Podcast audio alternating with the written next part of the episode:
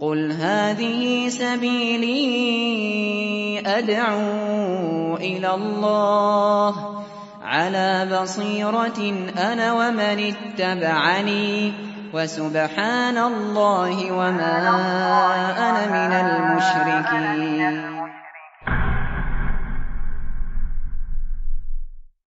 الحمد لله الذي هدانا لهذا وما كنا لنهتدي لولا أن هدانا الله لقد جاءت رسل ربنا بالحق ونودوا أن تلكم الجنة أورثتموها بما كنتم تعملون. وأشهد أن لا إله إلا الله وحده لا شريك له. وأشهد أن محمدا عبده ورسوله. اللهم صل على نبينا محمد وعلى آله ومن تبعهم بإحسان إلى يوم الدين. اللهم علمنا ما ينفعنا وانفعنا بما علمتنا وزدنا علما. wa wa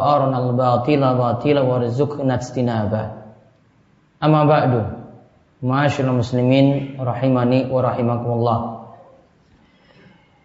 Marilah kita panjatkan puji syukur kita kepada Allah Subhanahu wa taala atas nikmat yang begitu banyak yang telah Allah berikan pada kita sekalian. Sehingga di kesempatan Jumat kali ini kita semua berada dalam keadaan sehat walafiat, diparingi umur panjang, terus diberikan kekuatan dan juga kemudian menjalankan aktivitas-aktivitas lebih-lebih lagi daripada itu. Allah Subhanahu wa taala memberikan kita nikmat iman dan Islam.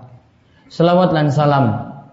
Mungkin-mungkin tercurahkan kepada junjungan kita Nabi besar Nabi Agung Muhammad sallallahu alaihi wasallam pada para sahabat, para tabi'in serta para ulama yang telah memberikan contoh-contoh yang baik kepada kita untuk beragama. Masyaallah muslimin, jamaah salat Jumat Masjid Jami' Al-Adha Pesantren Darus Solihin yang mungkin-mungkin senantiasa dirahmati oleh Allah Subhanahu wa taala. Kali ini kita akan mengkaji suatu pembahasan untuk mengoreksi diri kita atau yang para ulama sebut dengan muhasabah diri. Yang dimaksud dengan muhasabah itu adalah kita mengoreksi kekurangan-kekurangan baik. Ketika kita melakukan yang wajib, barangkali ada kekurangan, begitu juga dalam hal maksiat ataupun keharaman masih kita terjang, masih kita lakukan, ini butuh untuk dikoreksi dan kita punya tujuan untuk senantiasa memperbaiki diri dan semakin baik nantinya ke depannya.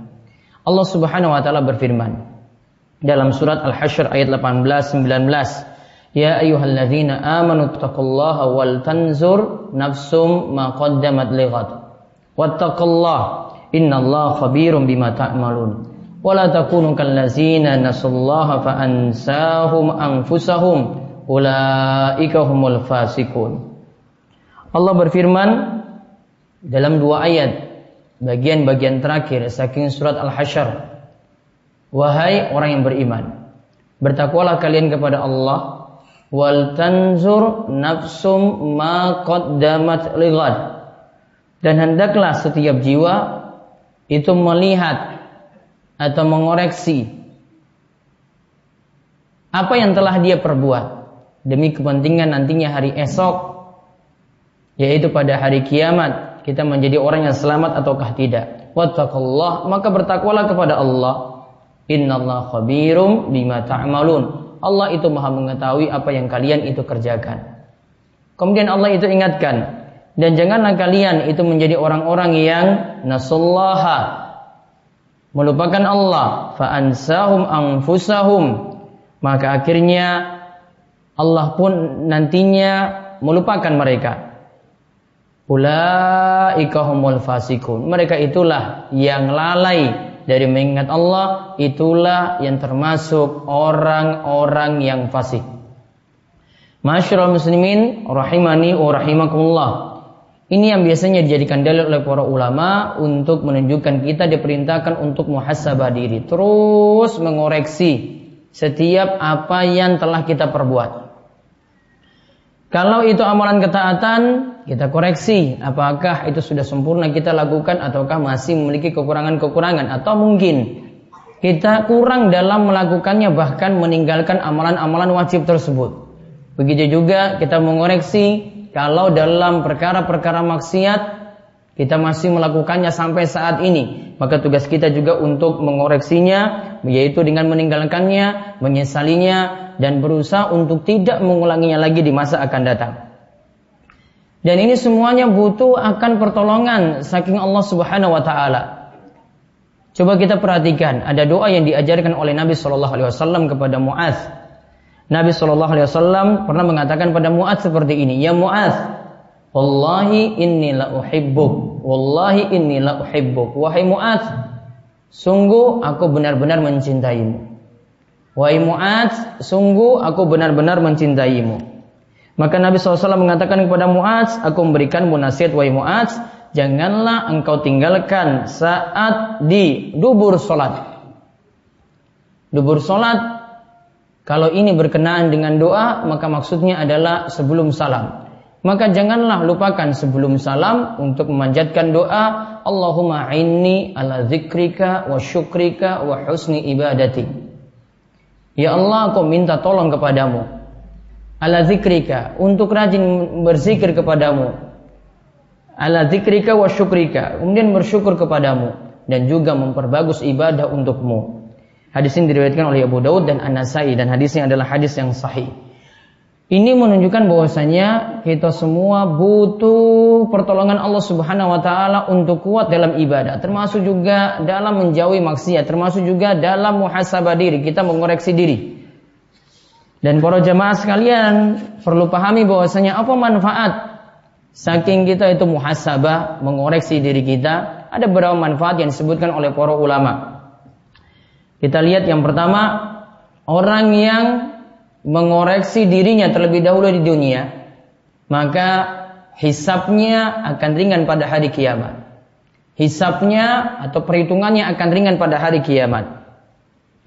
Umar bin Khattab radhiyallahu anhu itu pernah mengatakan, "Hasibu qabla an tuhasabu." Hisablah dari kalian sebelum kalian itu dihisap nanti kelak. Kemudian Umar katakan, "Timbanglah amal kalian sebelum nantinya amal kalian itu akan ditimbang pada hari kiamat kelak. Lalu Umar itu mengingatkan ayat yang patut kita ingat yaitu tentang hari kiamat yang penuh dengan kegentingan saat itu. Yaitu Allah berfirman, "Yauma idzin tu'raduna la takhfa minkum khafiyah." Yaitu pada hari kiamat setiap orang yaitu kalian akan dihadapkan di hadapan Rob kalian dan tidak mungkin ada satupun yang akan disembunyikan. Ini yang disebutkan dalam surat Al-Haqqah ayat ke-18. Maka Umar mengatakan bahwasanya hisablah diri kalian sebelum kalian dihisab. Maka hisab kalian akan dimudahkan nantinya pada hari kiamat. Akan begitu ringan pada hari kiamat. Kemudian Al-Fudail bin Iyad itu juga mengatakan mukmin yang mukmin itu seorang mukmin kata beliau itu adalah yang rajin menghisap dirinya. Dia koreksi dirinya punya kekurangan dalam hal apa, dia periksa. Maka nantinya hisapnya pada hari kiamat akan diperingan. Sedangkan uang munafik, tiang munafik, dia tidak pernah mengoreksi diri, kata Fudail bin Iyad. Kemudian yang kedua, terus bisa mendapatkan petunjuk. Kalau orang terus menghisap dirinya, maka dia akan terus mendapatkan petunjuk. Imam Al-Baydawi dalam kitab tafsirnya itu mengatakan, kalau seorang terus mengoreksi dirinya, dia terus muhasabah dirinya, maka dia akan terus mendapatkan petunjuk huda, mendapatkan petunjuk dari Allah Subhanahu wa taala dan tetap terus berada dalam petunjuk tersebut. Yang ketiga, ini untuk mengobati hati yang sakit. Karena hati yang sakit ini butuh dikoreksi. Cara koreksinya adalah kita cek kita punya kekurangan dalam masalah apa. Yang wajib kurang, yang sholat kurang, berjamaah kurang, subuhnya kurang, maka dikoreksi. Maka penyakit-penyakit hati itu akan hilang. Kemudian yang keempat, selalu menganggap diri penuh kekurangan. Orang yang koreksi diri, dia akan selalu menilai, saya ini serba kurang. Saya sudah sholat wajib, mungkin kurang khusyuk. Saya sudah sholat, namun belum ke masjid. Saya sudah sholat berjamaah di masjid, namun masih kurang dalam hal-hal memperhatikan rumah, memperhatikan anak-anak, memperhatikan kewajiban-kewajiban yang lainnya.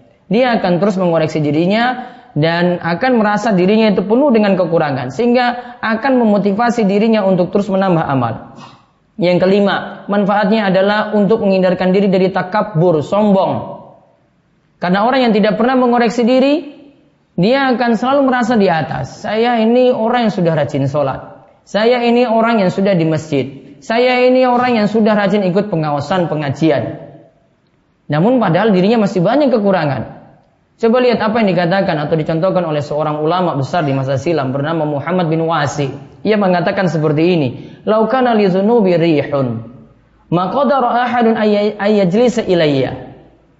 Muhammad bin Wasi mengatakan, andai dosa itu memiliki bau. Kalau kita berbuat dosa kemudian baunya itu keluar, maka tentu saja kata beliau, tidak ada satu orang pun yang mau duduk-duduk dekat saya. Tidak ada satu orang pun yang mau duduk-duduk dekat saya. Karena setiap saya berbuat dosa, maka bau itu keluar. Namun tidak dibuat dosa itu memiliki bau. Sehingga kita merasa tidak punya dosa, tidak punya kesalahan sama sekali. Maka Muhammad bin Wasid tadi mengajarkan pada kita supaya kita tidak takabur, supaya kita tidak sombong, selalu mengoreksi diri dan menganggap penuh dengan kekurangan. Kemudian yang keenam, kalau orang itu mengoreksi dirinya terus, tahu di sini kurang, tahu di sini ada kesalahan, tahu tangannya itu berbuat salah, tahu kakinya berbuat salah, tahu mulutnya itu berbuat salah, tahu pendengarannya, penglihatannya itu berbuat salah, maka dia akan mengoreksi diri, akhirnya waktunya itu akan penuh dengan faedah. Ada seorang ulama bernama Salim bin Ayub Ar-Razi, seorang fakih di masa silam. Ia setiap nafasnya, kata para ulama, setiap nafasnya dia gunakan untuk mengoreksi diri. Sampai-sampai para ulama itu katakan kalau melihat waktu dari Salim Ar-Razi tadi tidak pernah lepas dari tiga kegiatan, yaitu nasakh, dia menyalin tulisan. Kalau enggak, dia itu biasa untuk ya terus belajar. Kalau tidak, dia punya kebiasaan untuk kiroah membaca. Jadi kesehariannya cuma sekedar yaitu menyalin, belajar, kemudian membaca, menyalin belajar membaca, terus waktunya habis semacam tadi. Lalu kalau kita tahu seperti itu, maka jangan sampai hal ini kita lalaikan. Akhirnya kita menjadi orang, walaupun kita pun banyak beramal, menjadi orang yang amalannya itu banyak, namun akhirnya masuk di dalam neraka hamiyah, neraka yang begitu panas. Sebagaimana yang Allah sebutkan dalam surat Al-Ghasyiyah ayat 3 sampai 4, amilatun nasibah tasla naran hamiyah. Yaitu amal mereka itu sampai dia beramal penuh dengan kepayahan. Namun sayangnya tasla naron hamiyah. Dia masuk dalam neraka yang begitu panas. Kata Imam Ibnu Kasir, yang dimaksudkan di sini adalah orang tersebut itu banyak beramal, amalannya itu banyak. Dan penuh dengan kecapean. Dia capek, saya kesel. Namun apa? Gara-gara amal tadi tidak punya manfaat sama sekali bisa jadi tidak ikhlas, bisa jadi tidak mengikuti tuntunan baginda Nabi kita Muhammad Shallallahu Alaihi Wasallam. Amalan tersebut malah mengantarkan dia dalam neraka yang begitu panas. Naudzubillah min zalik dan kita mohon pada Allah, mugi-mugi amalan kita tidak jadi sia-sia. Terus bagaimana kita mengoreksi diri? Yang pertama, dikatakan oleh Imam Ibnul Qayyim, lihat dulu kata Ibnul Qayyim, lihat dulu pada amalan yang wajib. Koreksi mulai dari amalan yang wajib, bukan koreksi dari meninggalkan yang haram dulu, namun dari perkara yang wajib dahulu. Karena perkara yang wajib di sini para ulama katakan itu perkara pokok. Kita diperintahkan beribadah pada Allah, maka ibadah yang wajib ini dikoreksi dulu. Kalau lihat ada kekurangan, bahkan mungkin kita tidak melakukan ibadah wajib tadi, perbaiki ibadah tersebut. Contoh, kita masih belum sadar untuk sholat, masih belum sadar untuk bangun subuh, masih belum sadar untuk berjamaah di masjid, dikoreksi ini. Perbaiki ini terlebih dahulu. Ya, sebelum nanti hal-hal yang lainnya. Jadi wajib ini diperbaiki, apalagi sholat wajib. Kemudian yang kedua, yang dikoreksi lagi adalah meninggalkan yang haram. Sudah ataukah belum ataukah kita masih terus melakukan perbuatan yang haram tadi. Contoh misalnya, kalau kita masih makan riba, berarti tinggalkan tadi perbuatan riba. Jadi seorang rentenir, maka dia wajib untuk bertobat tinggalkan riba tadi. Kalau seorang itu menggibah, rasani orang lain, rasani wong. Maka tugas dia adalah memperbaiki kehormatan orang lain tadi. Dan dia doakan kebaikan pada orang tersebut yang telah dia jelekkan kehormatannya. Juga di sini yang berkaitan dengan sesuatu yang mungkin tidak bisa kita koreksi di sini. Dikarenakan tidak ada tebusannya.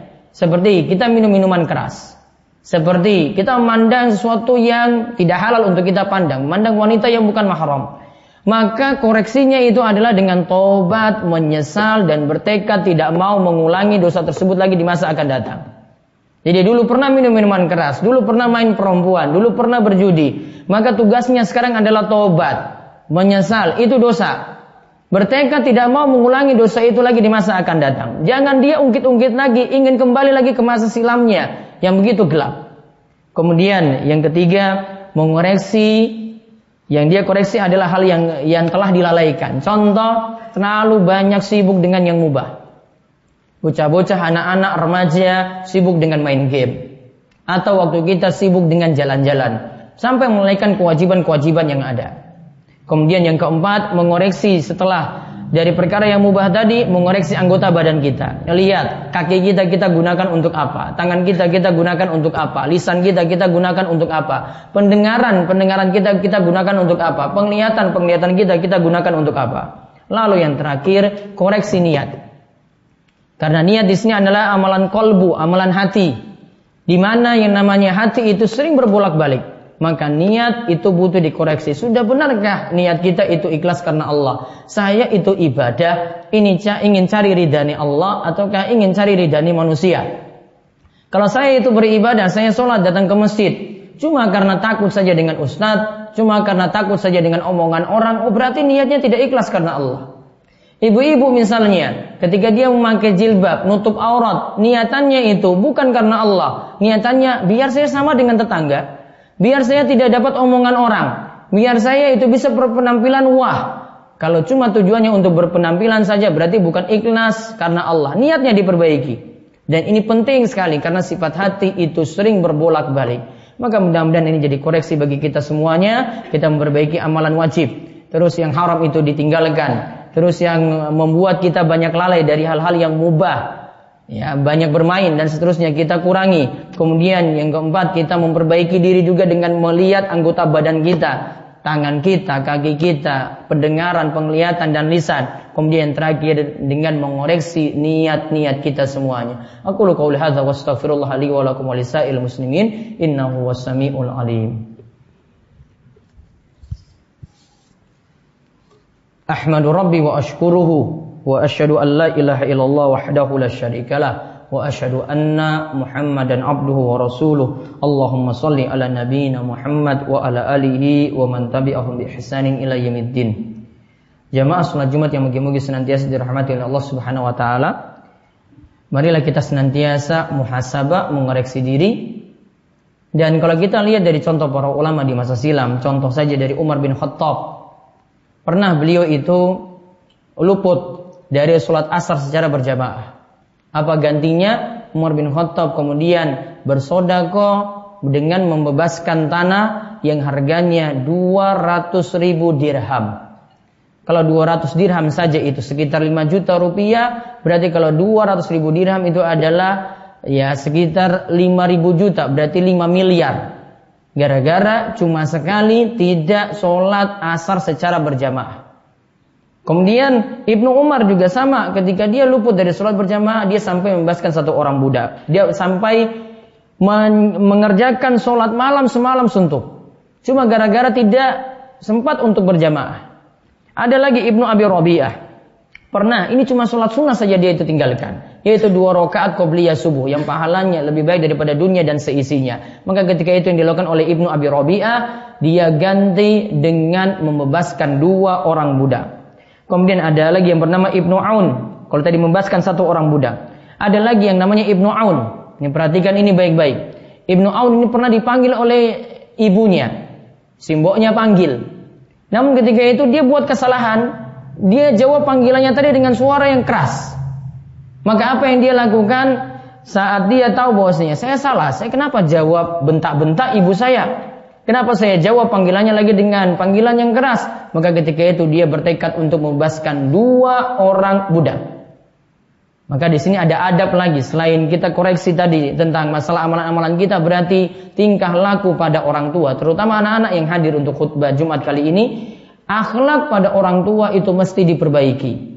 Tidak boleh bicara dengan keras, bentak-bentak tidak boleh. Apalagi memaksakan kehendak pada orang tua untuk keinginannya cuma karena ikut teman. Pingin punya motor, pingin dua motor.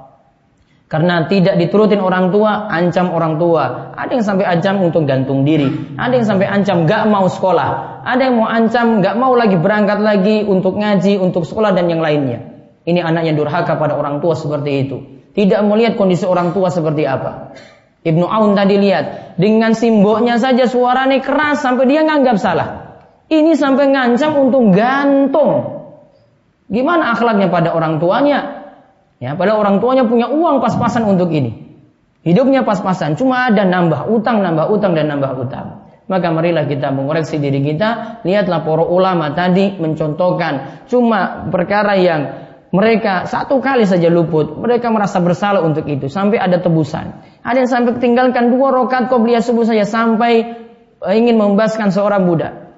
Dan juga ada yang sampai dengan orang tuanya Kurang pas dia itu berkata sampai dia ingin membebaskan dua orang budak tadi. Masyaallah muslimin rahimani wa. Mungkin-mungkin dengan kita terus memperbaiki diri menjadi yang lebih baik ke depan, Allah memberikan kita taufik dan hidayah juga untuk terus baik bagi diri kita, terus juga baik untuk keluarga kita, terus baik juga kepada orang tua kita dan juga kepada masyarakat kita dan mungkin-mungkin masyarakat wara ini terus diberikan petunjuk oleh Allah Subhanahu wa taala, diberi taufik dan hidayah agar terus istiqomah dan senantiasa berada di atas ajaran Islam dan sunnah Nabi kita Muhammad sallallahu.